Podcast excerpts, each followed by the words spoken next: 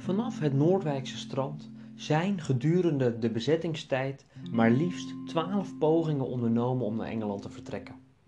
Na de Duitse bezetting in mei 1940 kiezen verschillende Nederlanders ervoor om door middel van bootjes, kano's en andere vaartuigen naar Engeland te vertrekken, om al daar de strijd tegen de Duitsers voor te zetten.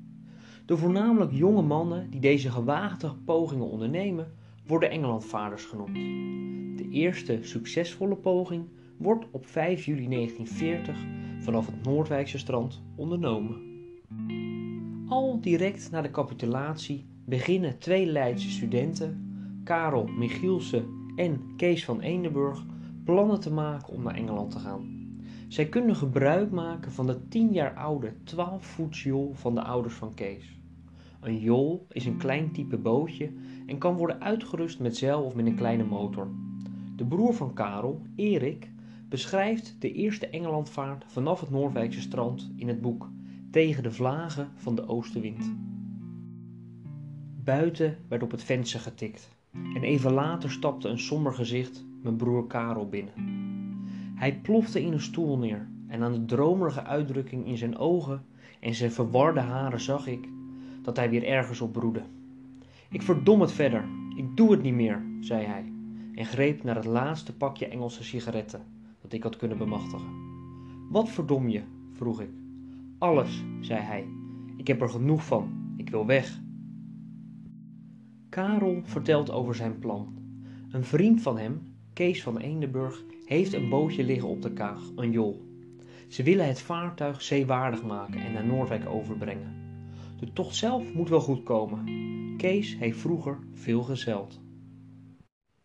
Doe je mee? vraagt Karel aan Erik.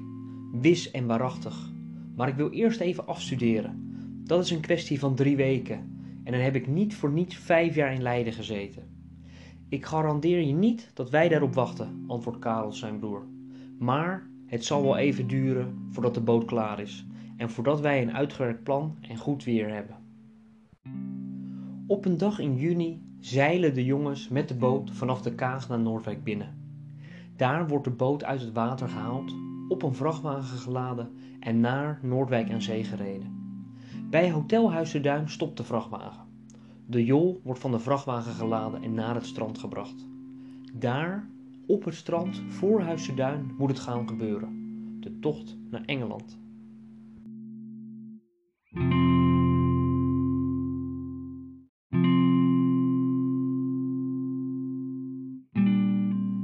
Maar voor het zover is, moet de boot eerst flink onder handen worden genomen. Dat gebeurt met hulp van diverse badmannen van het Noordwijkse strand. Kees kent in Noordwijk diverse mensen die te vertrouwen zijn. En ook Karel heeft gedurende de mobilisatietijd als soldaat in Noordwijk gebivakkeerd. Hij is een van de 2000 Nederlandse soldaten die in de gemeente verblijft. Elk lekje wordt gestopt. Elke spand die vervangen moet worden, wordt vervangen. Ook krijgt het bootje een nieuwe lik verf. En ook het zeilwerk komt aan de beurt. Alle werkzaamheden aan de boot gebeuren open en bloot. Alles onder het oog van de Duitse bezetter. Er liggen tenslotte veel meer scheepjes op het strand. En wie bedenkt er nu om in zo'n klein bootje naar Engeland te gaan? Niemand. En al helemaal niet de Duitsers. De jol van de jongens draagt de naam Bebek. Dat is Maleisisch voor eend. En waar komt die naam vandaan? Eigenlijk heel simpel. Kees, zijn achternaam, is van Eendenburg. Maar alleen een zeewaardige boot hebben is natuurlijk niet genoeg om de barre tocht te maken. Je moet iets weten van de zee, van de stromingen, de grillen van het soms woeste water. Kees en Karel gaan zich hierin verdiepen. Een bekende Leidse zeezeiler wordt om hulp gevraagd. Ook de diverse garnalenvissers geven de jongens waardevolle informatie. De stroom op de Noordzee draait doorlopend tegen de wijzers van de klok in en in 24 uur tweemaal rond. Aan de kust merkt men duidelijk vanaf 2 uur na laagwater een stroom noordwaarts, vanaf 2 uur na hoogwater een stroom zuidwaarts. Nergens is haar snelheid groter dan 3 km per uur, maar voor een jol die door de wind gedreven wordt, kan die 3 kilometer heel belangrijk zijn. En dan nog de uitrusting. Er wordt naarstig naar een kompas gezocht. Als de jongens eenmaal op open zee zijn, moeten zij namelijk wel de goede richting uitgaan. Ook gaat er een pistool en een seinlamp mee aan boord. Met de seinlamp kunnen de jongens SOS Dutch melden, in de hoop door Engelse patrouilleboten te worden meegenomen. In een lege garage in Noordwijk worden in de loop der weken voorraden voedsel onderweg verzameld. De uitrusting is compleet. Ten slotte wordt er door de jongens geoefend. Op klaarlichte dag worden er proefvaarten gemaakt, die ook de Duitsers het idee moeten geven dat het hier om een onschuldig strandvermaak gaat. Kees en Karel zeilen eerst dicht bij de kust, in de buurt van de garnalenvissers. En als dat gelukt is, proberen ze steeds iets verder te gaan. Slechts één keer worden ze door een Duitse patrouilleboot, die de garnalenvloot begeleidt, teruggefloten.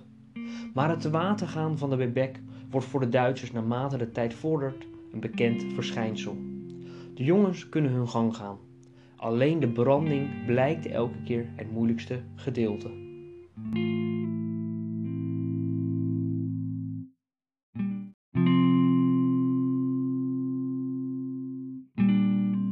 In de tussentijd is broer Erik hard aan het studeren voor zijn examens aan de Leids Universiteit.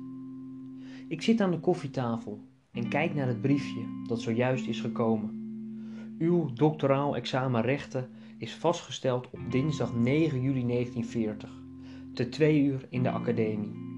Dinsdag dus, over vier dagen. De deur gaat open en Karel komt binnen. Hij kijkt bijna plechtig. We gaan vandaag, kondigt hij afgemeten aan. Erik probeert Karel op andere gedachten te brengen. Het waait te hard en het zal dinsdag, dus na het examen, nog veel beter zijn om te gaan, zo geeft hij aan. Geen argument helpt. En dan is het hoge woord er bij Karel uit. De Duitsers hebben een order uit laten gaan waarin wordt bevolen dat alle kleine bootjes vanaf morgen van het Nederlandse strand verwijderd moeten zijn. Dat betekent dat ook de bebek straks van het strand moet. Het is nu of nooit. Erik kan nog mee, maar daarvoor moet hij zijn examen laten schieten. Hij denkt na en kiest ervoor om later een poging te ondernemen. De twee broers geven elkaar een hand. Good luck, kerel. Laten we maar zeggen dat we volgende maand in Londen gaan borrelen. Karel pakt zijn leren jas en veldkijker en verdwijnt richting de Noordwijkse tram.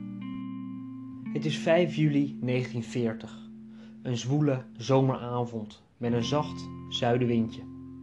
Erik heeft de hele dag gestudeerd en besluit om 8 uur op zijn fiets te stappen, richting Noordwijk.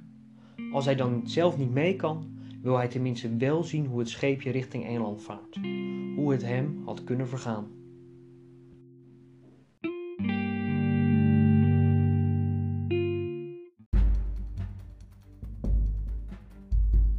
Bij de tennisbanen van het casino buig ik linksaf en kom zo op de Zuidboulevard. Hier moet het gebeuren. Ik rijd expres even door en stap dan af met de air van een badgast die de zon wil zien ondergaan. Want er zijn vele van die badgasten hier langs de boulevard. Daar op het strand, vlak voor Huizen Duin, ligt de jol als een ellendig klein vlekje tegenover het onmetelijk watervlak. Verderop liggen nog enkele bootjes, tot morgen nog. De meeste zijn omgekeerd, rustend op de boorden, maar de jol is reeds omgedraaid en ligt schuin op een kant. Erik kijkt vanaf de Afstreekboulevard naar het schouwspel. Er verschijnt een figuur op het strand, loopt naar de boot en weer terug. Dan volgt een tweede en later een derde persoon. Erik herkent ze direct. De drie jongens sjouwen vanuit de garage, gelegen aan een zijstraat van de boulevard, blikken en andere spullen naar de boot. Niemand let erop.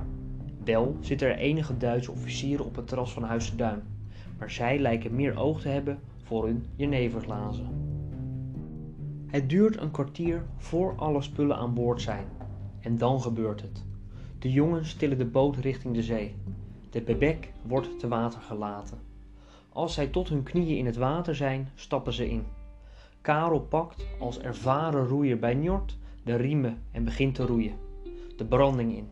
Een eerste golf komt eraan en de jol gaat loodrecht omhoog. Een tweede en een derde golf volgen. Maar het lukt ze langzaam door de branding te komen. Intussen is er beroering gekomen onder de wandelaars en zonnekijkers. S'morgens en smiddags is dit beeld meer vertoond. Tegen het vallen van de avond heeft het iets bijzonders. Zij worden van individuen tot massa en drommen tezamen ten, tegenover de plek waar de jol heeft gelegen. Maar ook de geelbruine uniformen van de Noorwegse politie zijn plotseling ten tonele verschenen. En de Duitse borrelaars zijn opgesprongen en staan wild te gebaren. Terugkomen, wordt er geroepen. Maar het bootje is al aan het einde van de branding gekomen. Karel roeit hard door. De politie verdwijnt om assistentie te halen. En ook de Duitse officieren rennen naar het hotel. Enkele minuten later arriveren er stevige Duitse soldaten. Ze zetten hun karabijn aan hun schouder. De jol is dan al zeker een halve kilometer ver weg. Tsuruk schalt het over het Noorwijkse strand. Maar verder dan de branding komt die kreet niet. De soldaten leggen hun karabijn aan en knallen hun houders leeg. Te vergeefs. De eerste succesvolle vluchtpoging naar Engeland is een feit.